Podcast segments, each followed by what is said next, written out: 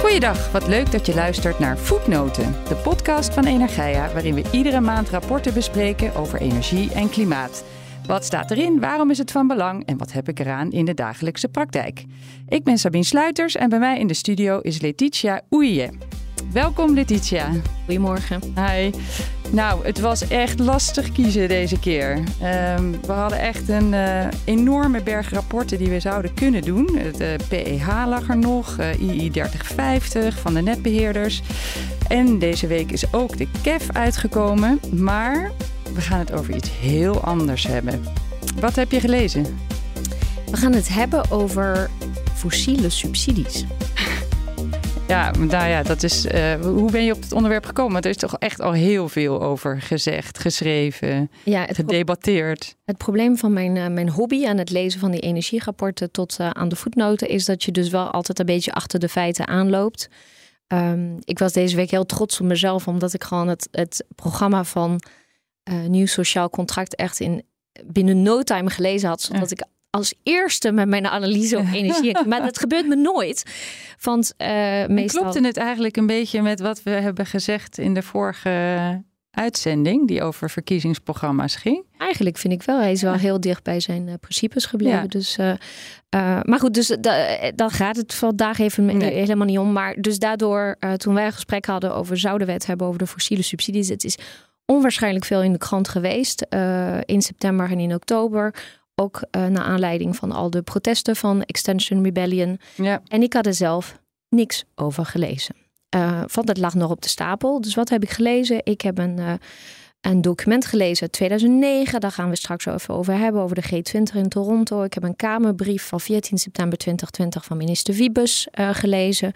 Ik heb een analyse van IEA OECD van 2020 over een analyse van hoe Nederland met fossiele subsidie omgaat. Uh, een rapport van CPB en PBL van oktober 2023 over het afschaffen van fossiele subsidie. Een rapport van Milieudefensie en um, andere organisaties over fossiele subsidies. Nog een Kamerbrief van december 2022. We gaan ze allemaal. We gaan ze allemaal. Dus dit duurt zes en een half uur. Nee. En uh, twee artikelen in ESB die nog ja. uh, recentelijk zijn verschenen. En ik heb gewoon drie Kamerdebatten teruggekeken. Nou, uh, lekker voorbereid dus. En ook echt de geschiedenis ingedoken. Dat is ook heel leuk. Um, voordat we nou verder gaan, wil ik toch eventjes iets ophelderen. Want wat, wat zijn fossiele subsidies eigenlijk? Want er worden, wordt gesproken van virtuele subsidies. En uh, wat, wat is het precies? Ja, en dan heb je gelijk het, het grootste probleem, dan wel het belangrijkste item als het gaat om de fossiele subsidies. Dat is de definitiekwestie. Want in 2009, toen de fossiele subsidies voor het eerst besproken werden, ging het over, ging het over inefficiënte fossiele subsidies die um, wasteful consumption van fossiele brandstoffen um, encouragen, aanmoedigen. Ja. Uh, nou, later is dus men echt eventjes in de definitie uh, gedoken. En ik heb twee definities gevonden. Eentje van uh, de WTO, de World Trade Organization. En die zegt van er zijn eigenlijk gewoon vier typen subsidies. Er is sprake van een financieel tegemoetkoming van het Rijk. Dus echt een directe stroom van geld of een lening naar private partijen die echt het doel hebben om het gebruik dan wel de opwek van of eh, de productie van fossiele brandstoffen te, en te, te aan ja, Dat is echt subsidie in Direct. de zuivere vorm, zeg maar. Ja. Uh, dan heb je gemiste overheidsinkomsten. Dus dat zijn allerlei vrijstellingen voor of uh, kortingen op uh, belastingen. Dan heb je roederen en diensten die geleverd worden door de overheid of specifieke inkopen die gericht zijn op het gebruiken van uh, fossiele subsidie. En dan heb je een bijdrage die door de overheid wordt geleverd aan specifieke fondsen die vervolgens uh, zelf investeren in fossiele subsidies. Ja, ja, indirecte subsidie. Indirecte subsidie. En uh, dus die definitie ligt er. En er is ook een andere definitie die ik dus nu heel snel moet gaan vinden van de UNEP. Het zijn er wel echt veel.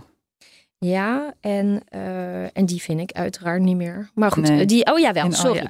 UNEP is de milieuprogramma van de VN. Die heeft op basis van de WTO-definitie een uitgebreidere uh, definitie dan wel uh, methodologie opgesteld. Dus ze zeggen een subsidie is een fossiele subsidie als deze direct dan wel indirect de winning of het gebruik van fossiele brandstoffen financieel aantrekkelijker maakt.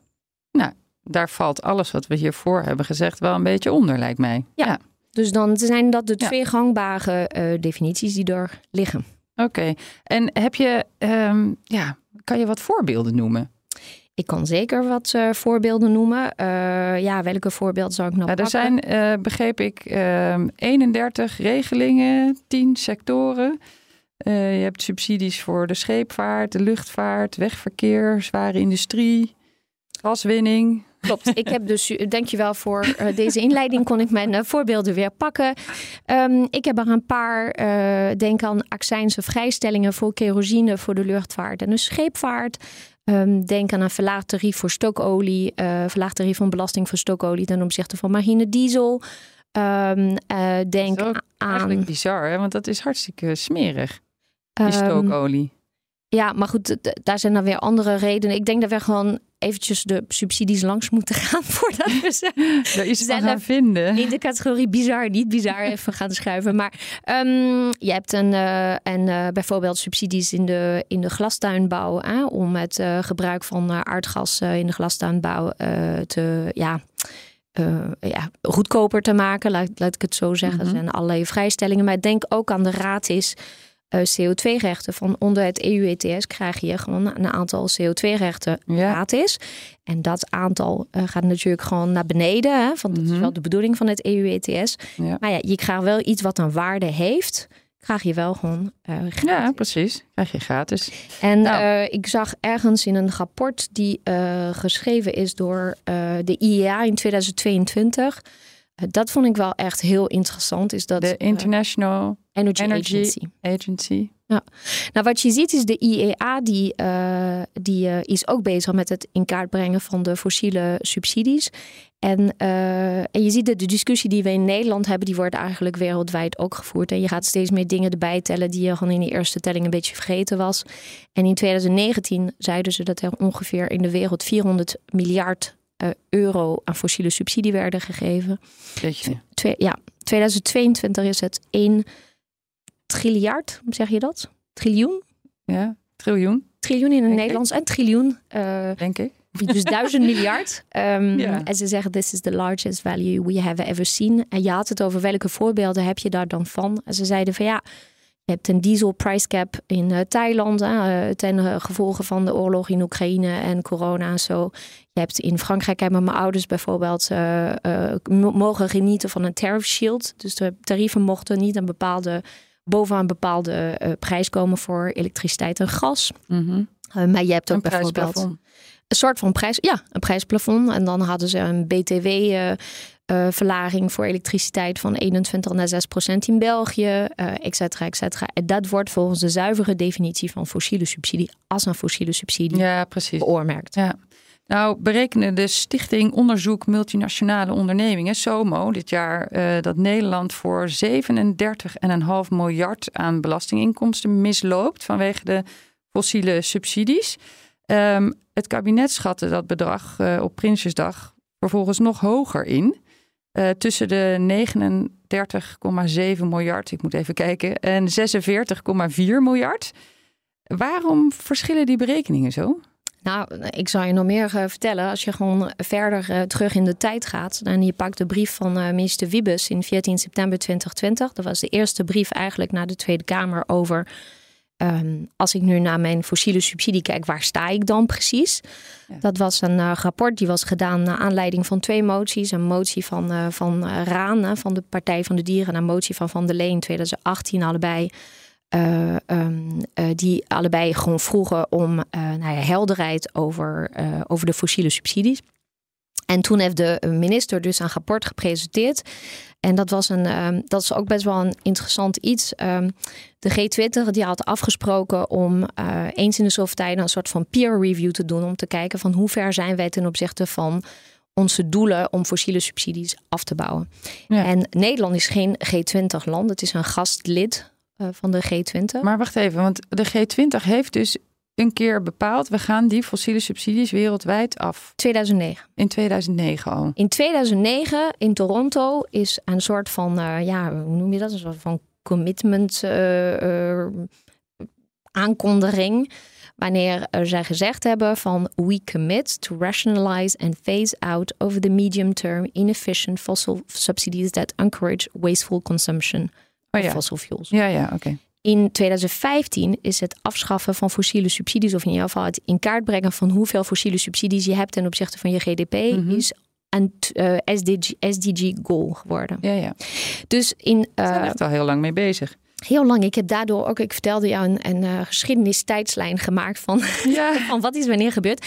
In 2018 zei ehm, Van Raan van ja, eigenlijk wil ik dat we deelnemen aan het G20 peer review proces. Want ik zie dat eh, Duitsland en Mexico elkaar eh, eh, evalueren. Ik zie dat China en Amerika elkaar evalueren. En Italië en Indonesië. Waarom doen wij dat dan niet? ja. Nou, in zijn brief. Ja, maar in zijn brief zei hij van dat hebben we twee keer geprobeerd en aangevraagd, maar we zijn geen 20, eh geen G20 land en we mochten niet meedoen als gastlid. Maar ze hebben een soort van workaround daaromheen gevonden. En het ministerie van EZK en Financiën hebben een inventarisatie gemaakt van hun fossiele subsidies. Hebben die besproken met de IEA en de OESO. En heeft er een rapport over geschreven. Dat rapport werd dus 27, eh, 14 september 2020 naar de Kamer gestuurd. Mhm. En uit dat rapport bleek dat wij 4,5 miljard fossiele subsidies in Nederland zouden hebben. Dat is heel wat anders dan de 39,7 miljard. Dus jij maakt je zorgen over het verschil tussen 37 en die eh, 46. Ja. Nou, 4,5 miljard, dat was toch wel echt een heel ander getal. Ja. En dat had ermee te maken dat eh, allerlei eh, degressieve tarieven voor energiebelasting. We hebben allemaal schijven voor energiebelasting in Nederland. Eh, dat was en, eh, ja, NB-post. Dus gewoon een soort van PM, pro-memory of zo post. En raffinaderijen vrijstellingen werden ook niet meegeteld. Dus het was wel een lijstje waar het, het gewoon echt gewoon in stond. ja. Maar op die... Stond de hele hoop gewoon niet op. Nou, nou, het stond er wel op, maar alleen met PM. Dus er stond geen getal Nee, precies. Ja, dus dan tel je dat op en dan kom je tot 4,5 miljard. Ja, ja. En dus eh, snap je wel waarom de maatschappelijke eh, schok eh, eh, door Nederland trok. Toen eh, bleek op 15 september eh, 2023, dus nou ja, precies op de dag na drie jaar later. Dat de stukken van Prinsjesdag gelekt waren, zoals het traditioneel gebeurt in Nederland. En dat bleek dat Nederland veel meer belastingvoordelen aan bedrijven gaf voor het gebruik van olie, gas en kolen dan ooit gedacht. Gedacht, ja. Oké. En naar wie gaat dat geld dan toe? Want je zegt bedrijven dus? Eh, het gaat naar, ja, het staat gewoon naar sectoren. Dus het gaat gewoon bijvoorbeeld naar, eh, als je het hebt over het eh, veilen van eh, CO2-rechten. En, en het geven van gratis rechten, dat gaat gewoon naar individuele bedrijven die meedoen aan het EU-ETS. Ehm, ja, ik vond in het artikel van ESB vond ik een aantal andere leuke voordelen. Voorbeelden van, eh, van, eh, van de fossiele subsidies. Bijvoorbeeld, er is 2 miljard aan voordelen wat gaat naar bijzondere voertuigen, zoals brandweerwagen, lijkwagens en rolstoelvoertuigen. Dus het is echt gewoon super Ja. breed. eh, dat als je bijvoorbeeld blijkbaar een brandweerwagen moet aanschaffen voor de kazerne, dat je daar bepaalde voordelen hebt fiscaal, omdat die heel veel, denk ik, Ja, diesel dan wel benzine Precies. gebruiken. ja. Hey, en het Planbureau voor de Leefomgeving, die, eh, komt, die heeft dus een rapport gemaakt samen met het Centraal Planbureau, dus de planbureaus, zeg maar. En die komen weer met een ander getal. Ehm, en vooral een andere manier van berekenen, want zij nemen de externe kostenbenadering, houden zij aan. Wat is dat dan weer? Ja, en dat is eigenlijk gelijk ook het antwoord op de vragen van, van dat je, je zei net van hoe kan het dat er zulke gewoon grote uiteenlopende bedragen zijn eh, voor het inschatten van eh, wat, hoe groot een fossiele subsidie is. En ik moet zeggen dat als je maar één ding moet lezen, dan vind ik het rapport van CPB, PBL, vind ik het gewoon heel goed uitleggen hoe je tot hele andere getallen kan komen. En ehm, ze zeggen van ja, je hebt eigenlijk twee manieren om naar eh, fossiele subsidies te kijken. Of je zegt van ik ga de inventarisatiebenadering doen. Dus dat betekent je gaat gewoon heel goed gewoon een soort van lijstje langs en je zegt van oké, waar heb ik nu, eh, eh, hoe noem je dat? Een, ehm, waar geef Een ik aan, regeling of een, een ja, een regeling. En dan ga je zeggen van nou, waar zijn de eh, er gemiste overheidsinkomsten? En je doet eh, overheidsinkomsten, het tariefverschil bijvoorbeeld in belasting keer het aantal ehm, kubieke meter wat het gewoon eh, aardgas dat het betreft. En dat is dan je fossiele subsidie. Ja. Ik geef dus een voorbeeld. Jij hebt gewoon een vrijstelling voor belastingen op kerosine voor de scheepvaart. En je zegt van nou, uh, hoeveel kerosine hebben ze dan gebruikt? En wat is het ten opzichte van de normale belasting op kerosine? Mhm. En dan doe je dat keer en dan kom je uit op een uh, aantal miljard euro. Ik heb hem nu niet meer paraat, maar dat was, uh, even kijken of ik hem hier zo kan vinden. Bij ons vaart ah, het was gewoon echt heel veel. Kerosine. Ja, maar uh, um, dat is goed trouwens in het rapport van Milieudefensie en SOMO, FOMO. Wat ja, SOMO. SOMO was het gewoon heel goed bekostigd. Nou, ze zeggen dan kom je op een getal. En uh, je kan het ook nog gewoon erger maken. En je kan zeggen, en bij dat getal ga ik nog eens optellen de gemiste BTW-inkomsten van de staat op, het, op gewoon de belasting die anders Ah. geheven had moeten worden. Mhm. Snap je? Ik bedoel, en Ja. dan zo tel je gewoon allemaal op van. Stel dat eh, de grote scheepvaart die gewoon eh, langs de kust komt varen, had hetzelfde betaald als eh, jij met je lullige zeilbootje. Ehm, ja, dan was dit wat de staat daaraan verdiend had. En dus zijn dit allemaal over, eh, gemiste overheidsinkomsten. En ze hadden er ook nog eens BTW over moeten betalen. Ja. Dus dit is het getal.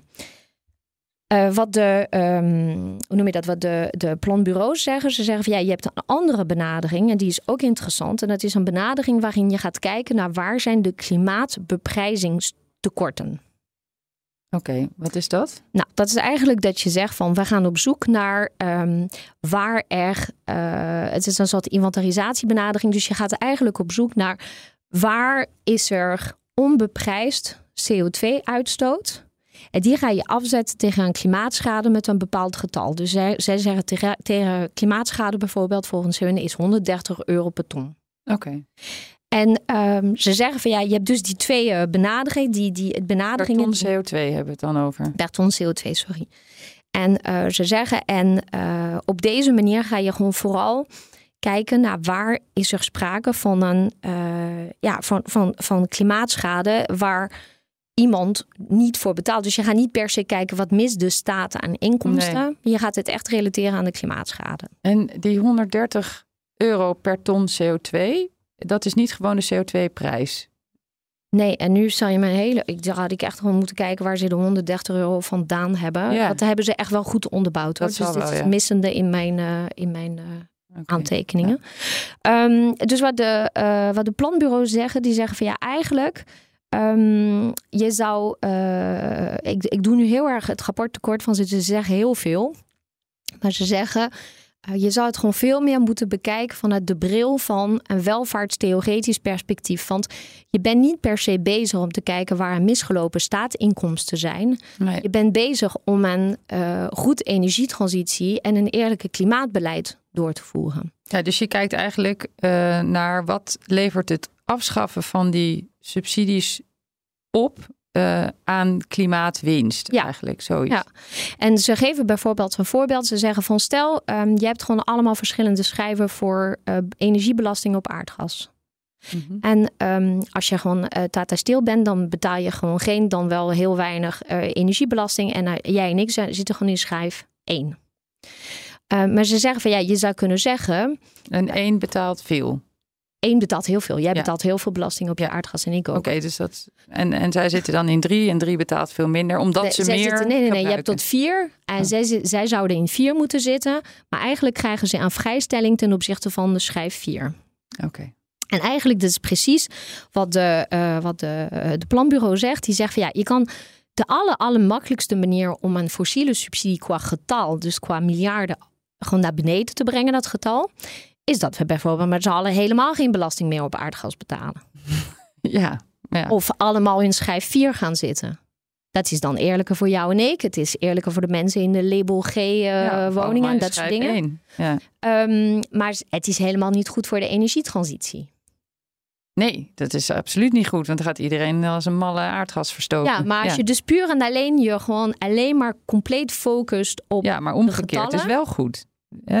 Nou, omgekeerd is ook maar de vraag van je zou ook kunnen zeggen van ja, weet je, ze vallen nu vanaf nu allemaal in schijf 1. Ja. Ja, en dan denk ik dat de hele boel binnen een jaar eh, failliet.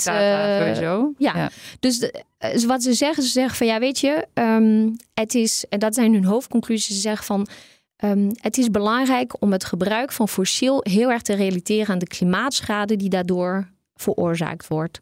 Het is belangrijk dat je een goede beprijzing hebt voor de transitie, dus dat je echt naar true price gaat. Hè? Mhm. Ehm, maar dan snap ik het nog steeds niet helemaal. Want we weten toch dat het heel schadelijk is. Het gebruik van aardgas en fossiele brandstoffen uh, in zijn algemeenheid is gewoon heel schadelijk, toch? Dit is ook heel schadelijk, maar uh, dat is nou net even hetgene waar de hele discussie over gaat. Moet je gewoon padsboom morgen stoppen? Mm -hmm. Of moet je gewoon uh, afbouwpaden gaan afspreken waarin ja, we zeggen, wat... nou weet je, per sector is dit het afbouwpad. En, en wat is dan het meest effectieve voor het klimaat om als eerste aan te pakken? Nou, en dat is dus echt, dat, was, dat is eigenlijk wel precies hun uh, conclusie. Ze zeggen van, joh, weet je, ga inderdaad door met het maken van inventarisatiebenadigingen, zodat je ten alle tijde goed in de spiegel kijkt en weet mhm. van waar heb ik een zwakke plek. Waar is er sprake van een, van een subsidie? Maar vervolgens ga met de externe kostenbenadering, dus dat andere benadering waar je het echt relateert aan uh, waar is het, het alle, van de allergrootste belang van het klimaatbeleid dat er sprake is van een extra beprijzing van, uh, van CO2? Ga dat aanpak gewoon gebruiken om een prioriteit te stellen. Ja. Welke sector moet, moet je nu eerste... als eerste? Ja, en uh, zij noemen volgens mij, hebben ze daar een paar. Ze zeggen, je zou echt even beter je best moeten doen op bijvoorbeeld de scheepvaart en de luchtvaart. Um, En uh, die zijn ook altijd, uh, nee, die zijn heel lang buiten het ETS gehouden ja. ook, hè? Ja. En ga ook kijken naar vrijstelling van gas en kolen bij elektriciteitsproductie. Van dat is wel, de, ja, even voor jou, dat, die heb ik niet genoemd, maar als je bijvoorbeeld aardgas verbrandt om daar elektriciteit van te maken in een in een elektriciteitscentrale, dan uh, heb, je, uh, heb je daar een vrijstelling van belasting op. Ze zeggen van nou, dat zijn echt typisch dingen die je gewoon gelijk kan relateren aan uh, klimaatschade. Ja, tuurlijk. maar ze zeggen van je ga alsjeblieft niet focussen op bedragen. van ze geven een voorbeeld. Stel dat je morgen zegt van nou weet je, belachelijk dat de industrie zo weinig belasting betaalt op elektriciteit. Dat gaan we gewoon nu even aanpakken dan zet je gelijk een rem op hun elektrificatieproces. Ja, precies.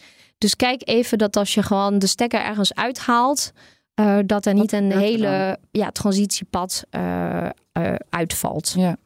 En um, nou was ik even benieuwd, want um, we hebben dus nu verschillende methodes. Maar wat houden we dan nu aan? Is er al een ei over gelegd of gaat het nu allemaal door elkaar?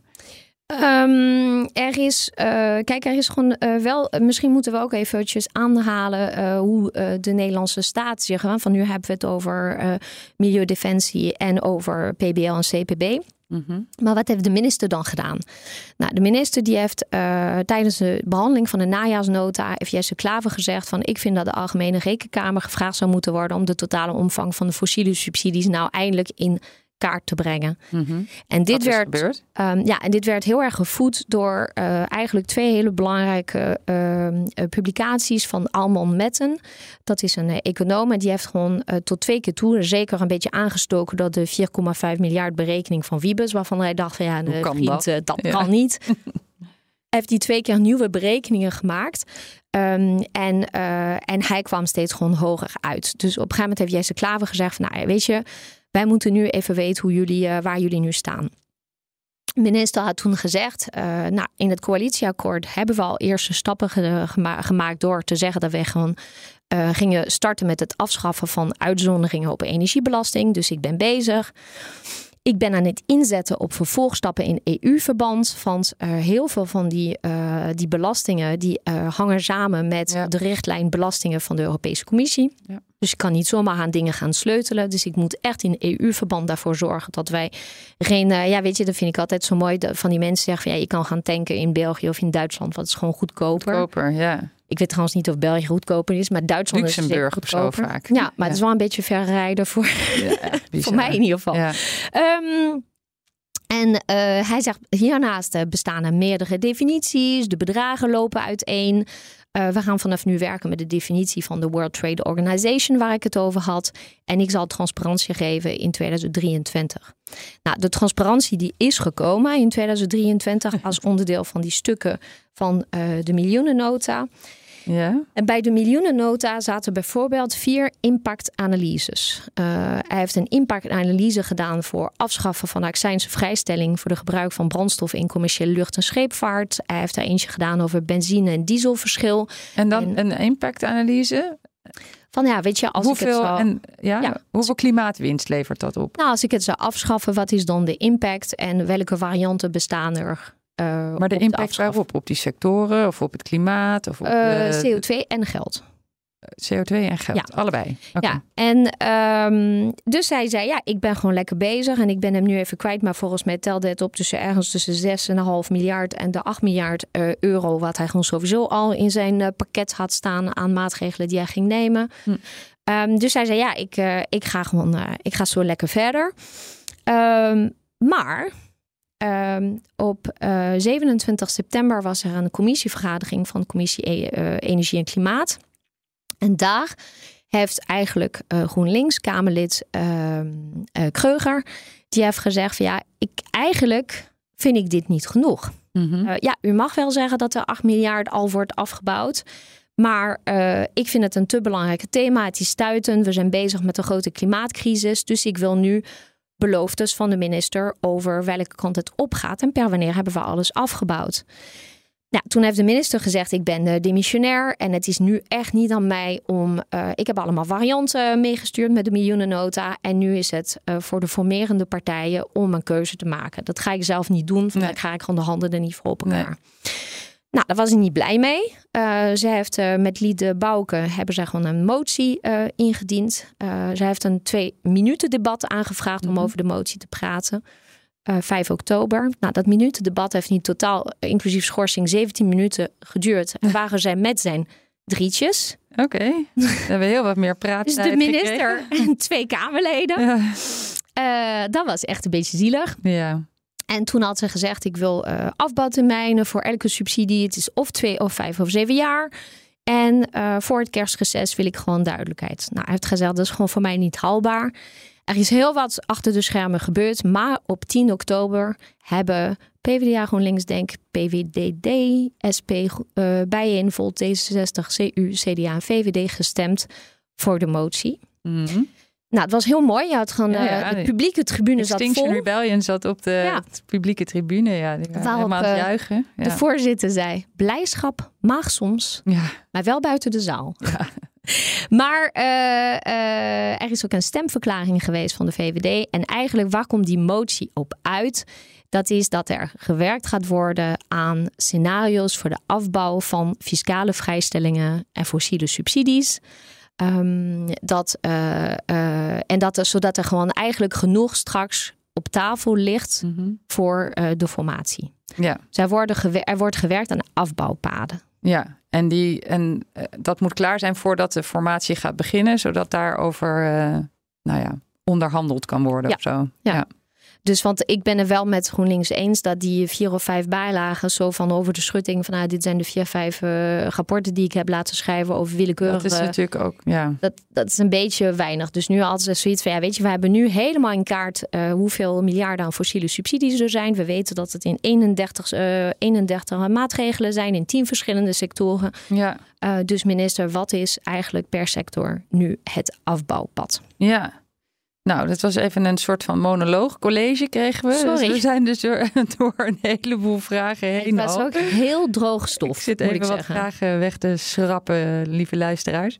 Um, ja, we gaan gewoon even naar dat. Uh, naar de, ja, er is ook namelijk, kijk, we willen eigenlijk. Um, nou, de consensus is wel dat we dus hè, deze fossiele subsidies moeten afbouwen. Um, uh, hoe snel en zo, daar is nog wat discussie over. Maar er is en, ook. En niet alleen hoe snel, maar ook. Ook hoe, op welke manier. En wat tel je? Ja, precies. Ja, maar dat hebben we net behandeld. Ja, het is echt nogal. En, en, en dat van toen ik thuis vertelde dat ik het ging hebben over fossiele subsidies, krijg ik echt zo van: eh, het is al honderd keer in de krant geweest. Ja. En het gaat allemaal over de referentiewaarde. En dat klopt ook wel, dat zegt iedereen. Er is nogal een verschil of je nou als referentiewaarde pakt dat je vindt dat Tata hetzelfde moet betalen als Sabine Sluiters. Mm -hmm. Of dat je zegt van Tata moet hetzelfde betalen als schijf 4. Dus dat betekent heel veel MKB's in Nederland. Uh, of een grote MKB uh, als schijf 4 van de Belastingwet. En ik vond ergens, uh, en dat vond ik wel heel interessant, ja, moeten we dat toch je noemen. dat ook moet relateren aan de klimaatschade, toch? Ja, van uh, 170 bedrijven in Nederland, dat is CBS 2020, zijn goed voor 74% van het fossiele, uh, fossiele gebruik. 74% 170 bedrijven. En ze brengen 11% van de opbrengsten op. Hm. Uh, het MKB is goed voor 10% van het totale verbruik en, bre en brengt 66% van de staatskas op als het gaat om fossiele subsidies. Er is dus wel echt sprake van scheefgroei. Ja. ja, dat is ook zo. En, en als je naar uitstoot kijkt, helemaal, denk ik. Ja, ook. Ja, maar um, wat ik dus wel, eh, wat mij fascineerde de afgelopen tijd, is dat er ontzettend veel discussie is ook over of het überhaupt een goed idee is om die subsidies af te schaffen. En dan is die discussie onder economen. Nou staat, uh, staan economen er echt bekend om dat ze nou, uh, nogal van, uh, van mening verschillen. Maar um, ja, ik wil toch eventjes um, in herinnering roepen. In september um, kwam er echt een groep vooraanstaande economen van de, de, de UvA en Oxford, allemaal hoogleraren. die zeiden, ja, fossiele subsidies is, zijn de meest extreme inconsistentie in overheidsbeleid ooit alsof je de airco en de verwarming tegelijkertijd aanzet. Een hele leuke vergelijking, vond ik dat. Um, dat zijn, waren echt geen kleine jongens. Helaas wel allemaal jongens, maar goed. Um, en uh, vervolgens kwam daar um, een soort reactie op, ook van hoogleraren uh, in de economie. En die zeggen, uh, in was in ESB was dat, dat het afschaffen van fossiele subsidies helemaal niet nodig is, om, omdat het ETS daar wel voor zorgt. Ja, uh, European Trade System, het CO2-handel. Uh, en uh, waarop de eerste groep economen weer Ging enorm weer uithaalde. Ja. ja. precies nou. En een flinke tik uitdeelde. Want die zeiden dus dat um, je, je kan alleen zeggen dat fossiele subsidies in stand uh, gehouden moeten worden uh, met denkfouten. Dus die betichten zeg maar eigenlijk hun vakbroeders dat ze, nou ja, hele domme dingen zeggen. Ja, nou Ehm, weet ik uit betrouwbare bron dat jij zowel econometrie hebt gestudeerd als macro-economie. Dus nou, volgens mij sta ik hier met een econoom. Hoe zit het? Is het ETS inderdaad voldoende uh, om uh, ik, ik vond het probleem te tackelen? Of um, niet? Het is best wel trouwens, meestal zijn uh, artikelen in wetenschappelijke publicaties zijn gewoon oersaai en echt totaal oninteressant om te lezen. Ja, maar dit was in de krant. dit was in de krant en ik moet zeggen, het is ook zo vrij verkrijgbaar. Je kan het zo lezen zonder abonnement op welke vakblad dan ook. En ik vond het allebei een beetje makkelijk. Okay. Mag ik dat zeggen? Ja, ik vond Ja. het. en Dus wat dat betreft is het echt heel goed leesbaar voor iedereen die eh, Ja. ook gewoon geen economie heeft gestudeerd. Ehm, en wat ik miste was vooral eh, kwantificering. Dus misschien even over deze twee artikelen. Het Mhm. artikel eh, van Mariel Mulder, Johannes Belle en Jos Kozijns, et cetera, et cetera. Van in de 9, ESB, die 9 zeggen, oktober. ETS regelt dit. Die zeggen veel pleidooien voor het afschaffen van fossiele subsidies miskennen het bestaan van het EU-ETS. Van die zorgt ervoor dat wij de klimaatdoelen in 2040 gaan halen. Dus die zeggen, ja, weet je, wij kunnen snappen dat je uit rechtvaardigheidsperspectief, als mensen nu gewoon het heel zwaar hebben met het betalen van hun energierekening, gasprijzen stijgen weer, um, dat je kan zeggen, ja, misschien moeten we wel echt iets aan herstel gaan doen. Maar ze zeggen, als het echt gaat over het behalen van de klimaatdoelen, hou dan mee op. De fossiele subsidies doen niks af aan de werking van het EU-ETS. En als je het gaat afschaffen, de fossiele subsidies, dan ga je de positie en de concurrentiepositie van uh, grote bedrijven, Nederlandse bedrijven, ga je gewoon beschadigen. Mm -hmm. Dat is uh, uh, voor raffinaderijen, chemie, elektriciteit, et cetera, et cetera, is het problematisch. Nou, en dus dan... zij zeggen, het maakt helemaal niet uit dat data uh, in schijf 3 zit in plaats van 4, want... Of niet omgekeerd. In drie. omgekeerd. In, in 4 plus. In 4 plus, plus in ja. plaats van 3. Ja. Uh, omdat vier. ze toch wel uh, onder het ETS vallen. Dus die moeten de CO2-prijs betalen voor, ze, voor een uitstoot. Ja, en ze zeggen van, uh, laten we niet vergeten... het plafond van het EU-ETS, hebben we het vaak hierover gehad... die gaat heel hard dalen na 2024 richting 2039... waar eigenlijk geen gratis rechten meer zijn... De bedrijven weten dat, die nemen hun maatregelen. Nou, daar hebben wij onze vraagtekens een paar keer bij geplaatst. Omdat het beleid nog steeds wat, uh, wat wollig is. Ja. Uh, de maatwerkafspraken, de inkt moet nog, uh, ja. nog drogen. Um, en ze zeggen van uh, over het EU-ETS wordt over het algemeen door al die rapporten die geschreven zijn over fossiele subsidies heel weinig gezegd. Behalve dat gratis rechten een fossiele subsidie zou zijn. Ja, maar dat dacht ik ook meteen. Ja, Alleen ze zeggen, um, nou ten eerste is een hele lijst, ze pakken alle fossiele subsidies weer langs. Dat vond ik wel een heel klein beetje beetje, beetje, beetje je punt willen maken. Mhm. Ze zeggen van ja, luchtvaart valt binnen het EU-ETS.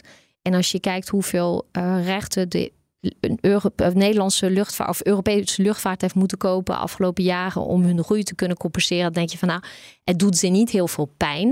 Maar en nu bovendien is... het pas sinds heel kort. Nee, nee, nee, ze zijn al heel lang onderdeel van het EU-ETS. Oh, maar ze uh, hoeven nooit. Uh... Maar het, het, schroeven echt naar beneden, dat, begint pas 2026. Oh, okay. ja. Uh, dus daarvan dacht ik, mm, ja, oké, okay, ja, in definitie staan ze erin, maar het mm -hmm. doet ze niet heel veel pijn.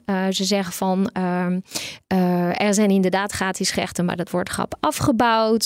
Ze zeggen van transport. Jullie hebben net over 6 miljard kortingen voor accijns op transport, kerosine en zo. Maar ja, dat wordt binnenkort onderdeel van de EU-ETS.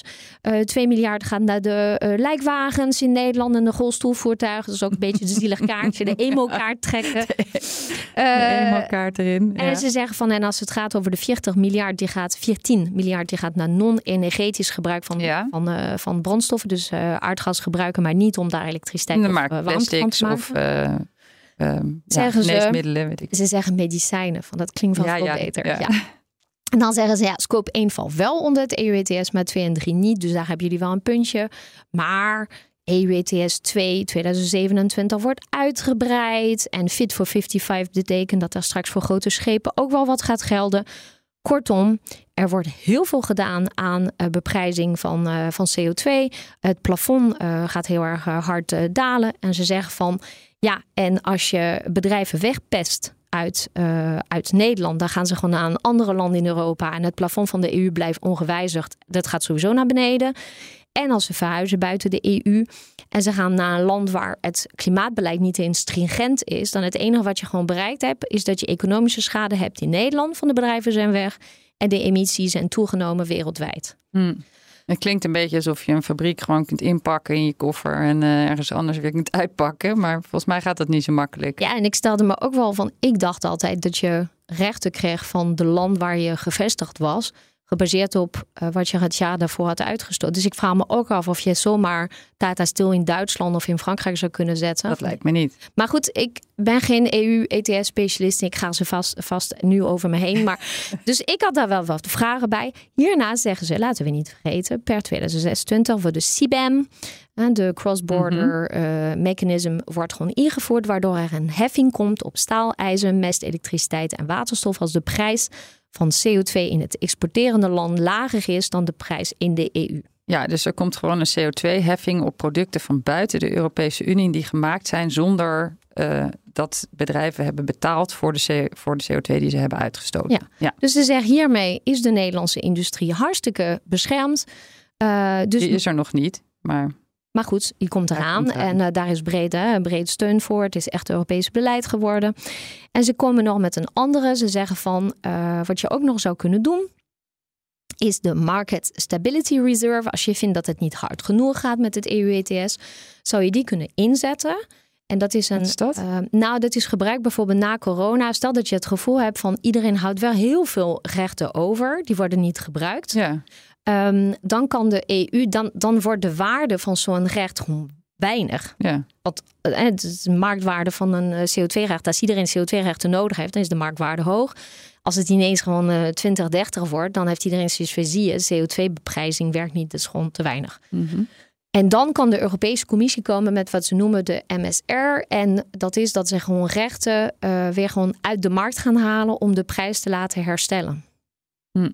Dus ze zeggen, wat je ook zou kunnen zeggen, is dat je op een gegeven moment zegt van ja, weet je, we, we trekken het nog even wat strakker. Ja. En we halen gewoon rechten als Europese Commissie uit de markt. En dan zorgen we ervoor dat het dat uh, kan iets ook niet zomaar, denk ik. Er is al enorm veel discussie over dat afbouwplafond van die. Ja, uh, dus je moet allemaal landen achter je krijgen en Ja. zo. Dat, is- maar goed, dus dat was het verhaal van, eh, van eh, de heer Mulder, uh, Kozijnse, et cetera, et cetera. Ja. Nou, dan En- kwam inderdaad het reply van 13 oktober van Zweden van Wijnbergen onder, Onder andere. andere, ja. En hij is dus een van de schrijvers van het stuk van september. En die haalt dit allemaal onderuit. ja. Hij zegt van, eh, ja, eh, of ze zeggen, eh, beprijzing, een vorm van carbon pricing in 71 landen. Dus dat is dus niet alleen de EU. Mhm. Eh, dat dekt maar 40% eh, volgens een, eh, een onderzoek blijkt dat het gemiddeld maar 40% van de emissies van een land dekt. Dus de ETS werkt maar voor 40 procent. dat dacht ik ook gelezen te hebben. Toen dacht ik, ik ga hem nog een keer lezen. en er staat ETS en landen met een vorm van carbon pricing in 71 landen. Dan dacht ik, nou, dat is al sowieso veel meer dan, ja. Dan het EU-ETS. Dus ze hebben gewoon gekeken naar landen waar al een vorm van soort van ETS is. En ze zeggen, daar kom je uit op dat het maar voor 40% van de subsidie zou zijn. En dan schrijven ze, in Nederland en Duitsland is dat meer. Voor 40% van de subsidie van, van, de, van de emissies. De emissies, ja, ja, CO2-emissies. Ik ben, ben ook maar. Een mens. um, en dan zeggen ze maar voor Nederland en Duitsland is het meer, maar wel ruim onder de 100%. Nou, nu vind ik dat okay. er best wel een verschil is tussen 40%, en 100%. Dus ik, ik mis een beetje de Hoeveel getallen is het dan? Hoeveel is het? Ja. ja. Dus uh, daarna zeggen ze van, nou, um, inderdaad, uh, uh, de CBAM is er. Dus er is helemaal geen angst voor concurrentieproblemen. Dan kunnen we toch prima alle subsidies ja. van wegtrekken. dat is een soort jijbak, koekje van ja. eigen deeg. Ja. Uh, daarna zeggen ze van uh, verplaatsen binnen de EU. Maar dat deden we toch niet. We zijn toch een uh, unie en dat doen we toch niet met elkaar. We gaan niet concurrentievoordeeltjes geven aan bedrijven van andere landen. Um, en dan zeggen ze van ja, sowieso, als je gewoon een concurrentievoordeel in het buitenland hebt op basis van subsidies die je hebt gekregen voor je fossiel, uh, van de staat, dan ben je toch minder stoer dan wanneer je het hebt op comparative voordeel. Dus dat je gewoon een beter product hebt, waar, wat iedereen wil hebben. Ja. En daarna zeggen ze, en dat is wel een hele belangrijke, ze zeggen van ja, als je, um, kijk, het hele idee van het EU-ETS is dat het jou geld kost om CO2 uit te stoten. Ja. En je wil dat geld niet kwijtraken. Dus je gaat ervoor zorgen dat je dat uitstoot niet hebt. Maar ze zeggen als je aan de inputkant mensen een vrijstelling geeft van bijvoorbeeld uh, belasting op hun aardgas die ze gebruiken in hun processen. Ja, ja. ja dan heb je op een gegeven moment de, de negatieve kant van de boete die je mhm. krijgt als je boven je CO2-uitstoot komt in de EU-ETS, heb je gecompenseerd. Ja, precies. Ja. Um, en dat is precies het, het verhaal van de ergo verwarming. Ja, ja. ja. Uh, maar wat ik hierin mis, is hoeveel dan? Want ik zie niet in dat artikel. Hoeveel weegt, zeg maar, ja. uh, die vrije CO2, of de, nou, de, boete. de fossiele subsidie op tegen de CO2-prijs ja. eigenlijk? Die en, berekening wil je zien. Ja, nou, en ze zeggen ook. luisteren ze wel. En eh, dat is er vast wel, alleen het is niet in dit artikel. En daardoor vind ik dat je alleen, als je alleen deze artikelen leest, dat je ze dus niet op hun meritus kan beoordelen, omdat er geen getallen bij zitten. Maar ze zeggen twee belangrijke dingen. Ze zeggen: het is wel zo dat als je subsidies steeds krijgt om fossiele uh, brandstoffen te gebruiken, dan is de kans dat er heel veel ongebruikelijke rechten gaan zijn, is heel klein. Dus dan dat hele Market Stability Reserve, ja, daar gaan we gewoon niks aan hebben. Niks aan hebben nee. En ze zeggen, maar het allerbelangrijkste is, dat vind ik wel misschien wel de boodschap, is dat fossiele subsidies vaak in de weg staan van de opschaling van groene bedrijven. Ja, dat vond ik ook inderdaad een belangrijke. Ja, ja dat, dat hoor je altijd aan dat als er een berekening moet worden gemaakt tussen het verschil tussen groene waterstof uh, en bijvoorbeeld grijze waterstof, dat je dan zegt van oké, okay, groene waterstof moet dus goedkoper dan wel hetzelfde zijn ja. als grijze waterstof ja, plus de prijs van CO2. En de groene niet. Ja. Dus, uh, nou, de groene ook wel, maar gewoon anders. Dus dat is eigenlijk wel een beetje de battle van de economen geweest in de ESB. Oké, okay, ja. En is nu het laatste woord hierover gezegd, denk je? Vast niet, want het zijn gewoon mensen die gewoon, uh, denk ik, wel graag uh, gelijk hebben. Uh, misschien gaan ze ook podcast maken of weet ik wat. En kijk, het is, ik denk, is het beslecht? Het is niet beslecht. Um, nee. Maar de minister is naar buiten gekomen met getallen die gewoon best wel schokkend zijn. Ja. 39,7 miljard à 46,4 miljard. Je kan wel zeggen, er zit een grote spreiding in. Maar het is al wel bovenaan 39 miljard. Ja, en je kunt er ook een heleboel mee doen, hè? Ja, en Wat goed is voor het klimaat. Ik had gewoon ergens gelezen dat het uitkomt op 2100 euro per Nederlander per jaar. Ja. En uh, ja, je zou kunnen zeggen, joh, weet je, dat steken wij maar in, uh, isoleren, isoleren, van huizen. Ja. Uh, dus isoleren van alle huizen, van 2,2 miljoen huizen die dat nog moeten zijn in Nederland, dat zou 31 miljard euro kosten. Ja. Nou, dan denk je van, als je heel makkelijk ja, denkt, makkelijk, denk je van, ja. hup. Dus er is absoluut wel oog voor de omvang van de problematiek. Mm -hmm. Er is nog veel te veel geneuzel over de definitie en uh, de referentiewaarde, waarin je gewoon daar echt een politieke uh, besluit in nodig hebt, vinden wij dat een. Ik gebruik altijd Tata, maar er zijn veel meer grote bedrijven. Sorry voor Tata. Maar um, gebruikt een hele groot bedrijf die nu een vrijstelling heeft, moet je ze afzetten tegen de tarief die geldend is voor andere van dat soort type bedrijven die in, in schijf 4 zijn? Of moet je het afzetten tegen de, de, tarief, de tarief van mevrouw Sluiters. of moet je gewoon inderdaad kijken, vooral niet alleen naar wat de staat aan inkomsten heeft verloren, maar vooral wat uh, er aan klimaatschade gerelateerd is, direct of indirect aan deze subsidie. Ja, ja. interessant. Hey, wij hebben vorige keer natuurlijk gehad over de verkiezingsprogramma's. En de verkiezingen naderen met rasse schreden. Uh, maar in veel van die programma's wordt ook gepleit voor het verlagen van de energiebelasting voor huishoudens. Um, dat is toch ook een vorm van fossiele subsidie? Dan gaan we dus uh, weer, weer wat fossiele subsidies erbij doen. Jazeker, dat vond ik wel trouwens heel erg chic van uh, uh, het rapport die door Milieudefensie is geschreven over de fossiele subsidie, is dat ze daar gewoon geen rekening mee gehouden hebben. Oh, die hebben ze eruit gelaten? Nee, hebben ze eruit gelaten. Dat vind ik echt wel chic. Want je, je weet je, je zou kunnen zeggen van... joh, uh, up, uh, alle steunen van uh, coronatijd... up fossiele subsidie, prijsplafonds. Dat hebben ze niet gedaan. Ze zeggen van ja, weet je... dit zijn gewoon tijdelijke maatregelen... die genomen zijn met andere doeleinden. dus ze hebben alle regelingen die te maken hebben met Oekraïne... dan wel de coronacrisis niet meegenomen. Waaronder de KLM-steun in 2020.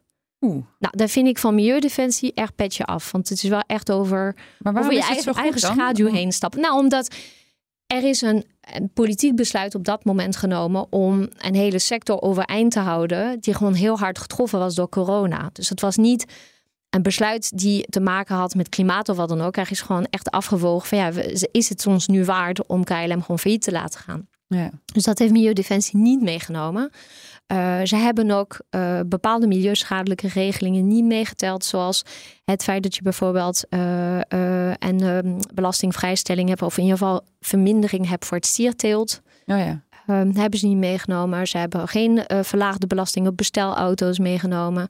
En ze hebben ook geen exportkredietsteun meegenomen, waar in juli 2023 zo'n hele toestand over was. Dus het prijsplafond, dat soort dingen, is door ze niet meegeteld, door anderen wel. Ja, ja, maar dat is, maakt het ook wel weer heel verwarrend, denk ik, of niet? Ja. Ja, ik, dat is dus precies, denk ik, het, de, de, de appel van de CPB en de PBL. Inventariseer het, dus neem het gewoon mee, zodat iedereen dat, dat gewoon... echt weten wat wat is. En dan maak je... gewoon transparant. En dan maken afwegingen aan de hand van een prioriteitslijstje. Ja. En dat leg je ook uit waarom je uh, deze fossiele, fossiele, subsidies wel in stand wil houden en andere dus juist wil afschaffen. Ja, want wat gaat er gebeuren als je, stel dat je inderdaad gewoon uh, aardgas, uh, de belastingtarieven verhoogt, dan wel verlaagt bij huishoudens. Ja. Dan ga je gewoon consequenties zien. En dat, dat zien we ook al bijvoorbeeld, dat nu mensen heel bang zijn voor aardgas. Dus die gaan overal van die straalkacheltjes van de Lidl neerzetten. Ja. dat zijn allemaal effecten die gewoon ongewenst zijn. Dus het is een handle with care. onderwerp. Dossier. duidelijk. En, uh, inderdaad. Uh, hersenkraker. Een hersenkraker had. Ja. ja, dat hadden de planbureaus gezegd, inderdaad.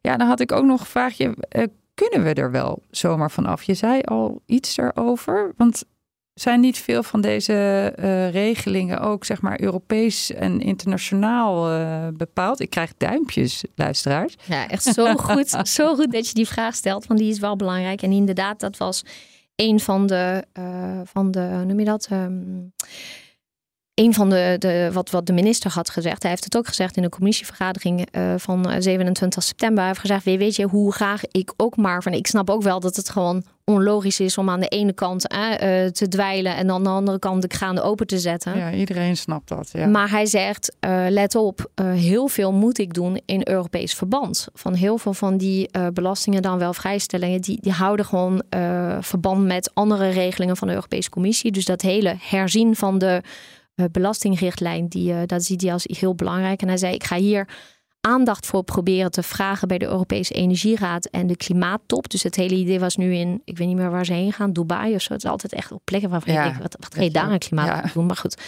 whatever. Ik wacht op de klimaattop Drenthe, dan ga ik wel. Maar, um, en hij zegt van, uh, ik ga proberen bijvoorbeeld met Spanje en Scandinavië uh, samen gewoon op te trekken. Van die zijn ook heel actief op dit thema, zodat we daar aandacht voor vragen. Nou heb ik de Europese Energieraad teruggeluisterd. Die ging daar helemaal niet over. Want op dit moment zijn ze heel erg bezig met voorzieningszekerheid en hoe zorgen we daarvoor dat, we de winter, doorkomen. Ja. Uh, dus ik ben heel benieuwd wat in de klimaattop of hier iets over uh, gezegd gaat worden. Oké. Nou, we wachten in spanning af. En hoe gaat het nu verder, afgezien van de Energieraad dus? Um, is er al een begin gemaakt? Ja, je zei dat er al wat afgeschaft ging worden. Ja, maar ik hoorde net... Er is weer uh, discussie over, hè? Nou, we kwamen net Hans ja, tegen. Ja. Die gisteren de glastuinbouw uh, debat of zo had gevolgd. Ja. En dat er uh, van de, de, afbouw van de vrijstellingen dan wel reducties bij de glastuinbouw. Dat Die was... natuurlijk heel veel verbruiken. Heel ja, veel uh, aardgas. Aardgas vooral. Dat was uh, een van de subsidies waarvan de minister had aangekondigd dat hij er vanaf zou komen. En ik begreep, ik heb het niet gevolgd, maar Hans zei dat het nu het afbouwpad uh, echt langer de tijd gaat nemen dan wat aanvankelijk werd gedacht. Mm, Oké. Okay. dus het, het laat ook weer zien dat je. Um, dat je waar, waar je vanuit klimaatperspectief gewoon heel makkelijk zou kunnen zeggen: ja, maar dit is toch een doorn in het oog en, en doe maar weg dat je vervolgens gaat kijken naar de levens die erachter zitten en de bedrijven. Dat je ja, tot andere afwegingen kan komen. Ja, tuurlijk. Hey, en uh, er is dus, nou ja, daar hadden we al behandeld, er een, een motie over ingediend. En nou, minister Jette moet dus nu uh, met een, een plan komen met die, om die scenario's, hè, die afbouwpaden te maken. Um, Kamer gaat met reces, dus hij heeft gewoon eindeloos de tijd. ja, wat ik wou net zeggen, is dit überhaupt haalbaar? Uh, ja, ik vind het, ik vind het een enorme klus. Het is een enorme klus, maar ik denk uh, net als dat uh, Wiebes in 2020 een dappere eerste poging deed met uh, het in kaart brengen van de subsidies. Ik denk dat waar Jette mee gaat komen in december, dan wel, weet ik niet, januari, februari of zo. Dat het ook gewoon een soort van goede, ruwe concept gaat zijn. En ik denk dat we zijn er net Kijk, sinds 2009 speelt dit. Ja. Uh, het is pas sinds 2000, uh, zou ik zeggen, 18 uh, een beetje in de Kamer gekomen. Het is pas in het grote publiek sinds september dit jaar. Ja. Echt onder de aandacht. Um, ik denk dat het een thema is waar we steeds beter in gaan worden. Ja, moet ook. Ja. Dus ik denk dat het een tweede dapere, dapere de tweede poging gaat zijn. Heb je, ben je nog iets geks tegengekomen? Misschien in de voetnoten? Nee, in de voetnoten niet. Maar ik vond het verhaal van, die, uh, van ESB, die dan in plaats van gewoon de grote fossiele subsidies te noemen, begint over de lijkwagens en, en de medicijnen en de, en de brandweerwagens. Het was echt overduidelijk. Dat is wel echt, eh, dat, dat zijn, ik, ik herken wel als mijn kinderen gewoon echt een punt willen maken en dat is echt gelijk hebben, dan je kiest wel welke voorbeelden je gebruikt. dus dat vond ik, ja. wel, uh, vond ik wel grappig. Uh, grappig. Oké, okay, uh, dan zijn we alweer aan het einde gekomen van de negende aflevering van Voetnoten, de podcast waarin we taaie rapporten in hapklare brokken opdienen.